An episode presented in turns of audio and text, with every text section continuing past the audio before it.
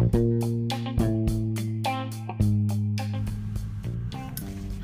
hei, dere. Nå skal jeg fortelle dere historien om meg selv, Kåre. Jeg er O2-molekyl. Min far er den gamle bjørka der borte, over åsen der, sånn ca. 300 meter skritt til venstre. Min far har ikke fortalt meg hvordan jeg har kommet til, men jeg hører stadig vekk mennesker snakke om fotosyntesen, og at jeg ble gjenfødt, og at jeg var CO2 i mitt litt tidligere liv. Huffa meg, høres ikke bra ut. Nå bestemte jeg meg for å lage en selvbiografi over hele livet mitt.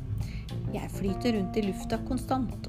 Jeg og mine andre O2-kamerater utgjør nesten 21 av lufta.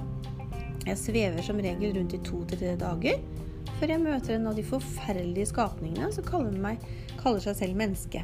Hver gang de nærmer seg, vet jeg at jeg dør. De sluker meg inn gjennom enten nesa eller munn. Og jeg går så gjennom nesehulen og forbi alle nesehåra. Jeg som har klaustrofobi, liker ikke dette. Så går jeg forbi strupehodet og rett ned i luftrøret, forbi kjempemange flimmerhår, og så ned til enten venstre eller høyre lunge. Inni selve lungen er det mye som skjer. Alle får panikk, og så kommer et enormt press fra lungene som presser gammel CO2 ut av alvolene, og jeg puster ut. Og lungene skaper også et enormt trykk. Eh, og, og, det skaper noe som kalles diffusjon, gassutveksling.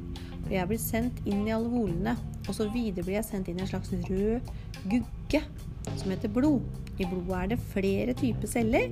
Det er blodplasma, hvite og røde blodceller og blodplater. I de røde blodcellene er det noe som heter hemoglobin. De er som min personlige tralle. De bærer meg rundt. Nå går turen min inn i hjertet, gjennom lungevennen og inn til venstre forkammer. Videre gjennom klaffene i venstre side, og så flyter jeg gjennom en enorm blodåre som heter aorta. Derfor går jeg rundt i hele kroppen og bruker opp mitt friske oksygen som jeg gir til cellene. Avfallet fra cellene går videre opp til høyre del av hjertet og gjennom øvre eller nedre hulvelle. Videre forbi sinusknuten og seile forbi seilklaffen ned til høyre hjertekammer. Opp igjen gjennom lommeklaffen og ut i lungene igjen. Og gjennom lungearteriene. Og så blir CO2 transportert ut av kroppen igjen, og vi puster ut. Og sånn går det rundt.